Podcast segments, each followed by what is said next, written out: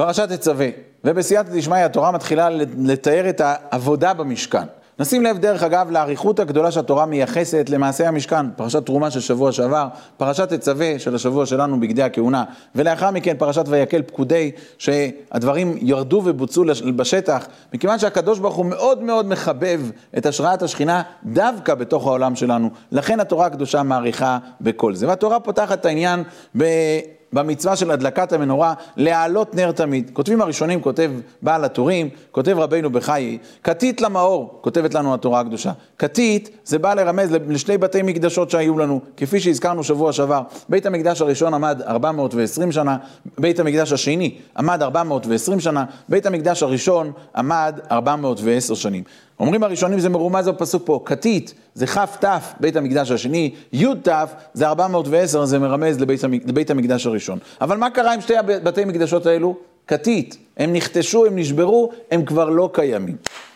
אומר רבינו בחיי, אין צל של ספק שאם התורה מדברת על שתי בתי, בתי מקדשות שהיו, היא ודאי מתייחסת לבית המקדש העתידי, שאליו אנחנו מייחלים ומשתוקקים. אומרת לנו התורה הקדושה להעלות נר תמיד, כי בית המקדש הראשון והשני כתית, נשברו, נחרבו. בית המקדש השלישי שאליו אנחנו מייחלים, הוא בבחינה של להעלות נר תמיד, שם יהיה השראת השכינה לנצח ולנצח נצחים.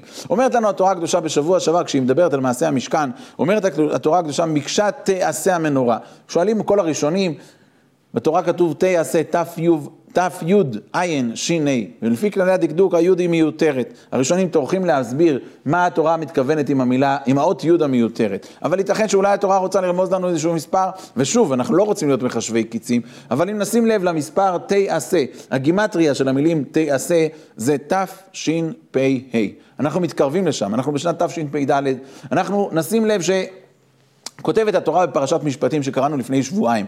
אומרת התורה הקדושה, וחג האסיף בצאת השנה. זאת אומרת, חג האסיף הוא נקרא עדיין שייך לשנה שעברה. חג הסוכות, למרות שהוא בעצם בתחילת השנה החדשה, הוא שייך עדיין לשנה שלפניה. נשים לב ששנת תשפ"ג השנה, הייתה שנת של מוצאי שביעית. אומרים חז"ל מוצאי שביעית בן דוד בא. מתי התחיל האירוע, המצב שאנחנו נמצאים בו? ביום האחרון שעדיין שייך לשנת תשפ"ג. שמחת תורה, היום האחרון של חג הסוכות, חג האסיף, שהוא בצאת השנה, כמו שהתורה אומרת לנו, ביום הזה התחיל כל הטררם שאנחנו נמצאים בו, ועדיין האירוע הזה לא הסתיים. אנחנו מאוד מאוד מקווים שהאירוע הזה הוא זה שיביא אותנו בסייעתא דשמיא לגאולה האמיתית, לבית המקדש השלישי, להעלות נר תמיד. אבל כל זה תלוי בדבר אחד ויחיד, בפה שלנו, לפתוח את הפה ולדעת שיש לנו את הכוח. כותב בעל החתם סופר בפרשת השבוע שלנו, ואתה תדבר על כל חכמי לב, אשר מלהיטיב רוח חוכמה. ולכאורה יש פה איזשהו ייתור לשון. אומר החתם סופר על פי דברי חובות הלבבות. לכל אדם ישנם כוחות מסוימים, ולא תמיד הוא מודע להם, מכיוון שהוא נמצא, הוא גדל בתוך עצמו, הוא לא מכיר, הוא לא יודע שזה משהו מיוחד. רק אם יבוא מישהו מבחוץ ויעיר את תשומת ליבו, ידידי היקר, יש לך את היכולות, יש לך את הכוחות האלו, אז הוא ידע אכן, אכן לנצל אותם כמו שצריך. ואלמלא כן, זה ירכיב כמו הזרע שנמצא באדמה, שאם אף אחד לא מטפח אותו, הוא הולך לאיבוד.